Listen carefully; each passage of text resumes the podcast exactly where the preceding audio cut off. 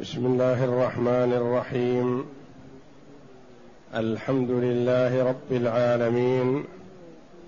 والصلاة والسلام على نبينا محمد وعلى آله وصحبه أجمعين. وبعد. بسم الله. أعوذ بالله من الشيطان الرجيم. هم الذين يقولون لا تنفقوا على من عند رسول الله حتى ينفضوا. ولله خزائن السماوات والأرض ولكن المنافقين لا يفقهون.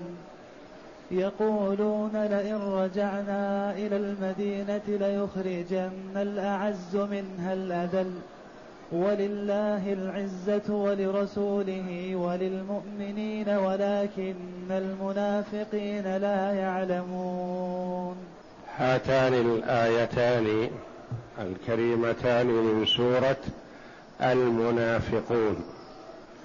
جاءتا بعد قوله جل وعلا وإذا قيل لهم تعالوا يستغفر لكم رسول الله لووا رؤوسهم ورأيتهم يصدون وهم مستكبرون سواء عليهم أستغفرت لهم أم لم تستغفر لهم لن يغفر الله لهم إن الله لا يهدي القوم الفاسقين هم الذين يقولون لا تنفقوا على من عند رسول الله حتى ينفضوا. الآيتين. الآية السورة الكريمة من أولها إلى آخرها في المنافقين. والتحذير منهم ومن صنيعهم. وذكر الله جل وعلا شيئا من صفاتهم في صدر السورة وقال هم الذين يقولون لا تنفقوا على من عند رسول الله حتى ينفضوا. وتقدم لنا الحديث الثابت في الصحيحين حديث زيد بن أرقم رضي الله عنه أنه سمع من عبد الله بن أبي رأس المنافقين كلاما سيئا فبلغه للنبي صلى الله عليه وسلم أو بلغه لعمه وعمه بلغه للنبي صلى الله عليه وسلم. ثم إن النبي صلى الله عليه وسلم طلب عبد الله بن أبي وأصحابه وقال لهم ما قال فحلفوا بالله أيمانا بأنهم لم يقولوا. وإنما كذب عليهم زيد بن أرقم رضي الله عنه. يقول زيد رضي الله عنه فصدقهم النبي صلى الله عليه وسلم لأنهم حلفوا وأكدوا قولهم بأيمانهم فأخذني الهم الشديد. ثم أنزل الله جل وعلا تصديقه في كتابه العزيز. فأخبر جل وعلا أنهم قالوا هذه المقالة وإن حلفوا بأنهم لم يقولوا. وذلك أن عبد الله بن أبي بن سلول لما حصل نزاع بين أحد المهاجرين وأحد الأنصار قال المهاجري يا للمهاجرين. يعني يطلب الفزعة والمساعدة منهم. وقال الأنصاري يا للأنصار فسمعه النبي صلى الله عليه وسلم فقال دعوها فإنها منتنة. يعني لا تتداعوا وينتصر بعضكم لبعض. حتى وإن كان هذا اللقب لقب إسلامي ومحبب إليهم ومحبب إلى الله جل وعلا لكن لما كان قصد القصد نصر بعضهم لبعض وإعانة بعضهم لبعض حمية قال النبي صلى الله عليه وسلم دعوها فإنها منتنة. ثم جاء رجل من المنافقين إلى عبد الله بن أبي فقال أين أنت؟ قد كنت تأمر وتنهى وترجى وتخاف والآن لا قيمة لك. قال وما ذاك؟ فأخبره بما حصل. فقال أوقد فعلوها؟ ما مثلنا ومثلهم إلا كمثل قول القائل سم كلبك يأكلك. يعني أن المهاجرين آويناهم وواسيناهم وأعطيناهم ثم انقلبوا علينا. ثم قال لئن رجعنا إلى المدينة ليخرجن الأعز منها الأذل. وقال لأصحابه لا تنفقوا على من عند رسول الله. لا تعطوهم شيئا حتى يتركوا الرسول وينصرفوا.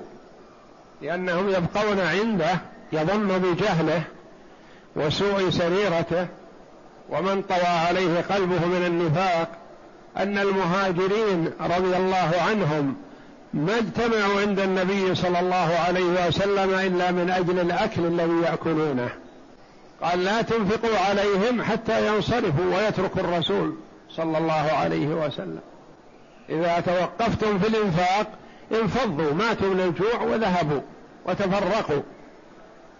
يظن أن رزقهم من عنده والرازق هو الله جل وعلا. العبد ما يسوق رزق نفسه فكيف برزق غيره؟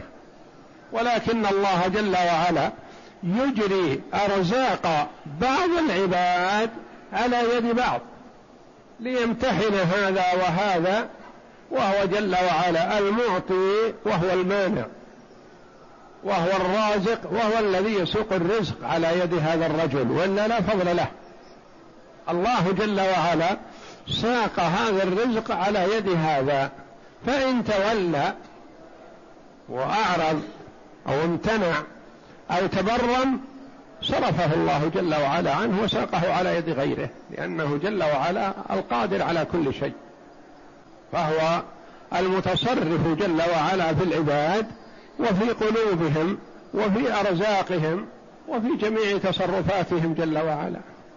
يوفق من شاء لما شاء ويحرم من شاء عما شاء جل وعلا. والعبد بتصرف الله جل وعلا ثم إن له إدراك واختيار وحسن تصرف أو سوء تصرف. والله جل وعلا مطلع على العباد وأفعالهم. فقال بجهله وسوء سريرته لا تنفقوا على من عند رسول الله من المهاجرين حتى ينفضوا ينصرفوا.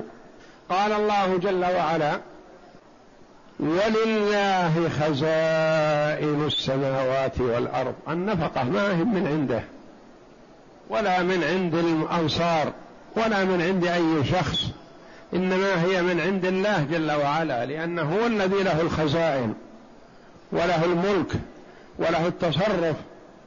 ولله خزائن السماوات والأرض ليس ما عند الأنصار فقط. بل خزائن السماوات والأرض كلها من عند الله. كلها بيد الله يتصرف فيها كيفما شاء. ولله خزائن السماوات والأرض ولكن المنافقين ولكن الواقع والحقيقة أن المنافقين لا يفقهون لا فقه عندهم ولا معرفة ولا بصيرة. وإلا لو كان هذا المنافق يدرك لقال الحمد لله الذي ساق رزق هؤلاء على يدي. الحمد لله الذي جعلني من أنفع عباده لعباده. فالعبد الصالح يود ويتمنى أن يكون مفتاح خير وعلى يده ما يسر الآخرين. والسيء والعياذ بالله يتبرم بهذا ويظن أن هذا من ماله ومن حسابه ومن رزقه وليس كذلك. هذا من رزق الله ساقه الله جل وعلا على يد هذا الرجل. ولكن المنافقين لا يفقهون. قال المفسرون هم الذين يقولون لا تنفقوا على من عند رسول الله. كل المنافقين يا ربي قالوا لا تنفقوا على من عند رسول الله. أم القائل واحد زعيمهم هو عبد الله بن أبي؟ القائل واحد. قال لا تنفقوا على من عند رسول الله. إذا كيف نسب الله جل وعلا القول إلى الجميع؟ مع أنهم لم يقولوا. والله جل وعلا أعز وأكرم من أن ينسب إلى شخص ما لم يقله. نعم ما قالوه بألسنتهم لكن وافقوه وهم معه وهم يرون رأيه فدل على أن المرء إذا كان مع المنافق ويرى رأيه أن عليه مثل وزره وأنه مثله.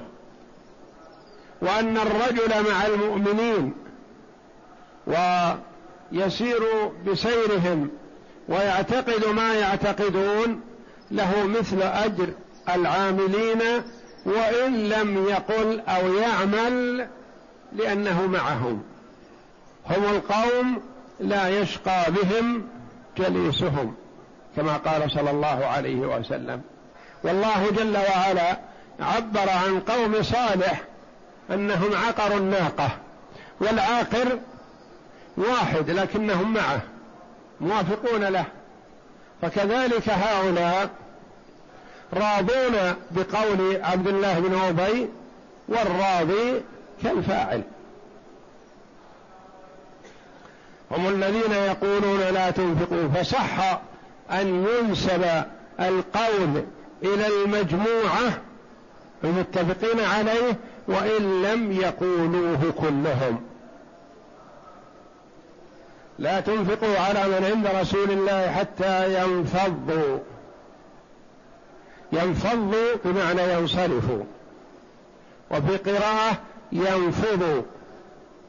ينفضوا. والنفض نفض طرف الرداء أو الإزار. وهذا يقال عندما ينتهي ما مع الإنسان من مطعوم ونحوه ينفض رداءه يقول ما معي شيء. فهو حتى يكون ما بأيديهم شيء يأكلونه بمثابة من ينفض رداءه بأنه ليس معه شيء حتى ما يبقوا مع محمد صلى الله عليه وسلم. والخزائن جمع خزينة. وهي مستودعات الأشياء التي تخزن بها الأشياء. كما يقال مخزن فلان يعني مخزنه الذي يضع فيه أمتعته أو طعامه أو اغراضه التي يبيعها أو عروضه التي للتجارة. يقال مخزن يعني يخزن به أشياءه.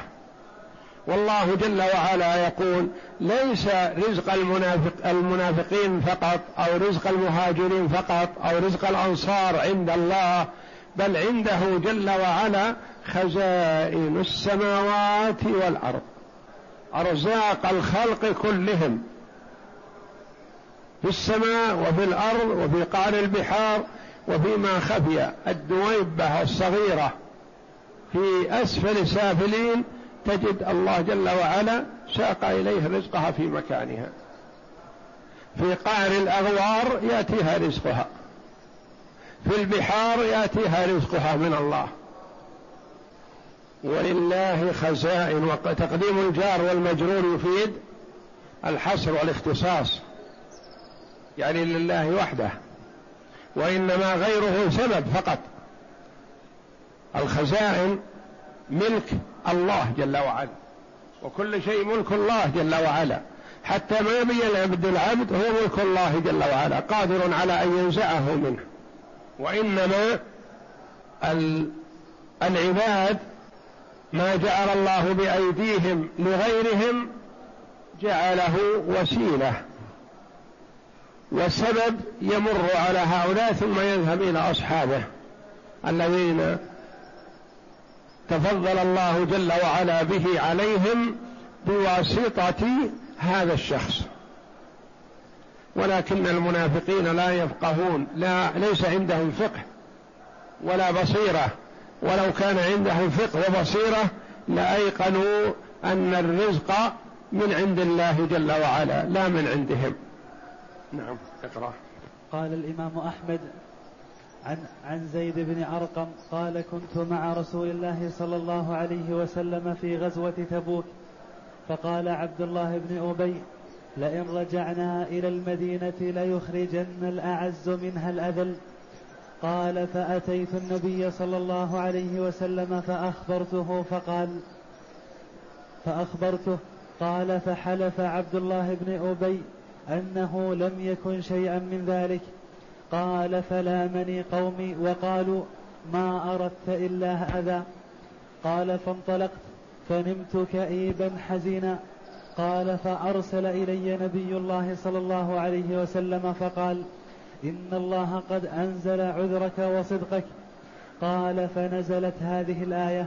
هم الذين يقولون لا تنفقوا على من عند رسول الله حتى ينفضوا حتى بلغ لئن رجعنا إلى المدينة ليخرجن الأعز منها الأذل. ثم ذكر جل وعلا مقالة أخرى قالها عبد الله بن أبي مع تلك المقالة الشنيعة. قال يقولون لئن رجعنا إلى المدينة ليخرجن الأعز منها الأذل. الأعز فاعل مرفوع. والأذل مفعول منصوب. النبي صلى الله عليه وسلم والصحابة ومعه عدد من المنافقين كانوا في غزوة بني المصطلق. بني المصطلق على ماء عند قديد على قريب من الساحل من ساحل البحر الأحمر. آه، كان كبيرهم الحارث ابن ضرار. فقيل للنبي صلى الله عليه وسلم إن الحارث يجمع الجموع وهم مجتمعون على ماء يقال له المريسية. مجتمعون لينطلقوا نحو النبي صلى الله عليه وسلم إلى المدينة لقتاله. فعلم النبي صلى الله عليه وسلم أن يتجهز لقتال هؤلاء فخرج صلى الله عليه وسلم ومعه الصحابة رضي الله عنهم. وكان من ضمن بعض الغزو المنافقين عبد الله بن أبي وغيره. فأغار النبي صلى الله عليه وسلم على بني المصطلق في على ماء يقال له المريسية وتسمى غزوة بني المصطلق وتسمى غزوة المريسية. وغنم النبي صلى الله عليه وسلم منهم غنائم وكان الأسرى في حدود سبعمائة أو يزيدون بما في ذلك الأطفال والنساء. وكان ممن غنم جويرية بنت الحارث رضي الله عنها أم المؤمنين بنت أمير القوم. وكانت في السبي فاصطفاها النبي صلى الله عليه وسلم لنفسه وأعتقها وتزوجها. فاصبحت أم المؤمنين وأبوها محارب الرسول صلى الله عليه وسلم. أراد عليه الصلاة والسلام أن يكرم عزيز القوم يكرم البنت لأنها من من ناس عزيزين فهي بنت الأمير فلا تصلح إلا للنبي صلى الله عليه وسلم. فاصطفاها لنفسه واعتقها تكرما ما جعلها أمة وإلا هي بمستوى الامه لأنها مسبية. فاعتقها صلى الله عليه وسلم وتزوجها فتلك كرامة عظمى لها وتأليف لمن ورائها. فلما علم الصحابة رضي الله عنهم بذلك أن النبي صلى الله عليه وسلم اصطفى جويرية وأعتقها وتزوجها قالوا هؤلاء أصحاب رسول الله. فما ينبغي لنا أن نسترقهم. فأعتق في تلك الليلة مئة بيت. مئة بيت. بسبب ببركة زواج النبي صلى الله عليه وسلم لجويرية رضي الله عنها. تقول عائشة رضي الله عنها ما أعلم امرأة أبرك على قومها منها.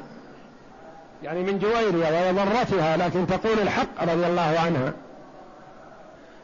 ليلة زواج النبي صلى الله عليه وسلم بها أعتق من قومها مئة بيت. لأنهم قالوا ما يليق أن نسترق أصهار رسول الله صلى الله عليه وسلم. ثم إن الحارث أسلم وأتى بقومه وبايع النبي صلى الله عليه وسلم ودفع زكاة ماله. وقد كان النبي صلى الله عليه وسلم أرسل إليه رجل بعد إسلامه ليقبض الزكاة منه ثم إن هذا الرجل كذب عليه وقال إن الحارث بن ضرار أراد قتلي وإنه منع الزكاة وهربت. فقال كيف هذا؟ فجهز النبي صلى الله عليه وسلم الجيش لقتال الحارث بن ضرار ومن معه مرة أخرى. وفي أثناء الطريق والجيش ذاهب إليه للقتال وإذا الحارث بن ضرار يتوجه بزكاة ماله إلى النبي صلى الله عليه وسلم. فقالوا فالتقى بهذا الجيش فقال من أنتم؟ قالوا جيش رسول الله. قال ولمن وجهتم؟ قالوا وجهنا للحارث بن ضرار قال ولم؟ قال لأنه أراد قتل المصدق. أراد قتل المصدق ومنع الصدقة. قال أنا الحارث. وهذه صدقة مالي جئت بها إلى رسول الله صلى الله عليه وسلم لما أبطأ علي المصدق. المصدق ما جاءني وما رأيته. وما يكون مني أن أخون رسول الله صلى الله عليه وسلم وقد بايعته. أبدا. وبنته أم المؤمنين رضي الله عنها. فرجعوا وجاء إلى إلى النبي صلى الله عليه وسلم وأنزل الله جل وعلا يا أيها الذين آمنوا إن جاءكم فاسق بنبأ فتبينوا أن تصيبوا قوما بجهالة فتصبحوا على ما فعلتم نادمين. فقال عبد الله بن أبي بن سلول في هذه الغزوة غزوة بني المصطلق قال لئن رجعنا إلى المدينة يقول ما ندري نرجع ولا ما نرجع؟ نموت قبل أن نصل. لكن إن رجعنا ليخرجن الأعز منها الأذل. وهو يريد أن يعمي على من يسمع هذا الكلام مع علمه أن أصحابه المنافقين يعرفون قصده. ولا تمر مقالته هذه بسهولة يعرفها. يعرفها من يدرك وهو يقصد أن الأعز هو ومن معه يعني أنهم أهل المدينة. والأذل الرسول صلى الله عليه وسلم ومن معه من المهاجرين. ليخرجن الأعز منها يعني من المدينة. الأذل فأنكر أنه قالها لكن صد أثبت الله جل وعلا أنه قالها. فحينما أراد أن يدخل المدينة كما تقدم لنا وقف ابنه عبد الله بن أبي عبد الله بن عبد الله بن أبي رضي الله عنه من خيار الصحابة رضي الله عنهم. وقف بسيفه وقال والله لا تدخل المدينة حتى يأذن النبي صلى الله عليه وسلم. وتقر بأنك أنت الأذل وأن الله وأن رسول الله هو الأعز. فاشتكاه أبوه على النبي صلى الله عليه وسلم فقال النبي صلى الله عليه وسلم لعبد الله بن عبد الله دعه يدخل. وطلب أو عرض على النبي صلى الله عليه وسلم أن يقتل أباه. وقال أو تحب ذلك؟ أو تريد ذلك؟ قال والله يا رسول الله ما شبعت عيناي من وجهه مهابة له. يعني ما هو عندي بالشيء السهل. وما علم الأنصار أن أحدا منهم أبر بأبيه مني. ما عرضت قد عليك قتله لكوني أبغضه أو عاق له أو لا قيمة له عندي. ما شبعت عيناي من النظر إليه مهابة له. وما علم الأنصار فيهم أحدا أبر بأبيه مني بأبي. لكن علمت مقالته وأخشى أن تأمر به أحدا من المسلمين فيقتله فما تسمح نفسي أن أرى قاتل أبي يمشي على الأرض فأقتله ثم أكون قتلت مسلما بكافر. فإن كنت تريد قتله فأنا أقتله رضي الله عنه. لا تجد قوما يؤمنون بالله واليوم الآخر يوادون من حاد الله ورسوله ولو كانوا آباءهم أو أبناءهم أو إخوانهم أو عشيرتهم. الأخوة والأبوة والقرابة والعطف والحنان في الإسلام مسلم مع المسلم. وأما الكافر فلا يعطف عليه مسلم وإن كان أبوه أو ابنه. فاستمع لهم النبي صلى الله عليه وسلم وقال نحسن صحبته ما دام فينا. ننتظر. نصبر عليه. عليه الصلاة والسلام.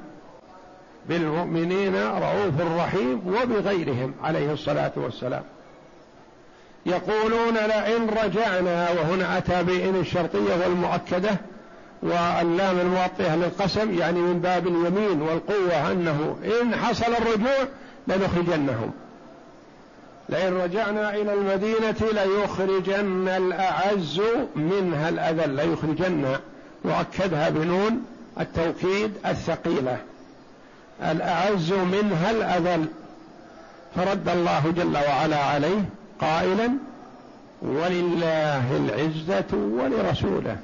العزة ليست لهذا الشقي العنيد المنافق لا عزة له ولا كرامة. وإنما العزة لله جل وعلا. العزة المطلقة لله جل وعلا.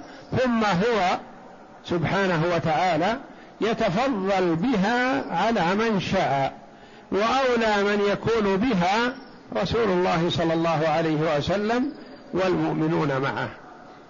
ولله العزة ولرسوله لا على سبيل المشاركة وإنما العزة لله وحده ثم يجود بها جل وعلا على الرسول صلى الله عليه وسلم والمؤمنين. ولكن المنافقين ولكن الواقع والحقيقة أن المنافقين لا علم عندهم ولا بصيرة. ما يدركون. ولو أدرك لعلم أنه لا عزة له إذا حاد الله ورسوله وأنه هو الذليل بالمحادة. وإنما العزة والغلبة والقهر لله جل وعلا ويمنح ذلك من شاء. كما قال عليه الصلاة والسلام نصرت بالرعب مسيرة شهر. إذا صار بينه صلى الله عليه وسلم وبين عدوه مسافة شهر بدأ الخوف في قلب عدوه والوجل والذعر من مسافة شهر يعني ما كان يخافون الأعداء إذا قرب حولهم يخافونه من مسافة شهر عليه الصلاة والسلام. ولكن المنافقين لا يعلمون ولو علموا وفهموا لأدركوا أن العزة لله. نعم.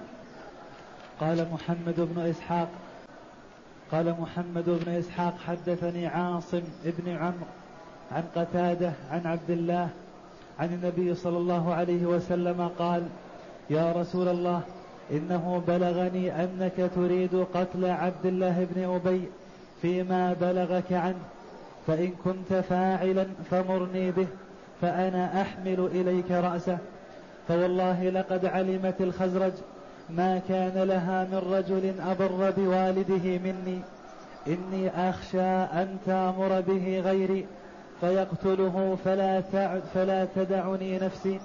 انظر إلى قاتل عبد الله بن أبي يمشي في الناس صلى الله عليه وسلم. بل نترفق به ونحسن صحبته ما بقي معنا. والله أعلم. وصلى الله وسلم وبارك على عبده ورسول نبينا محمد وعلى آله وصحبه أجمعين.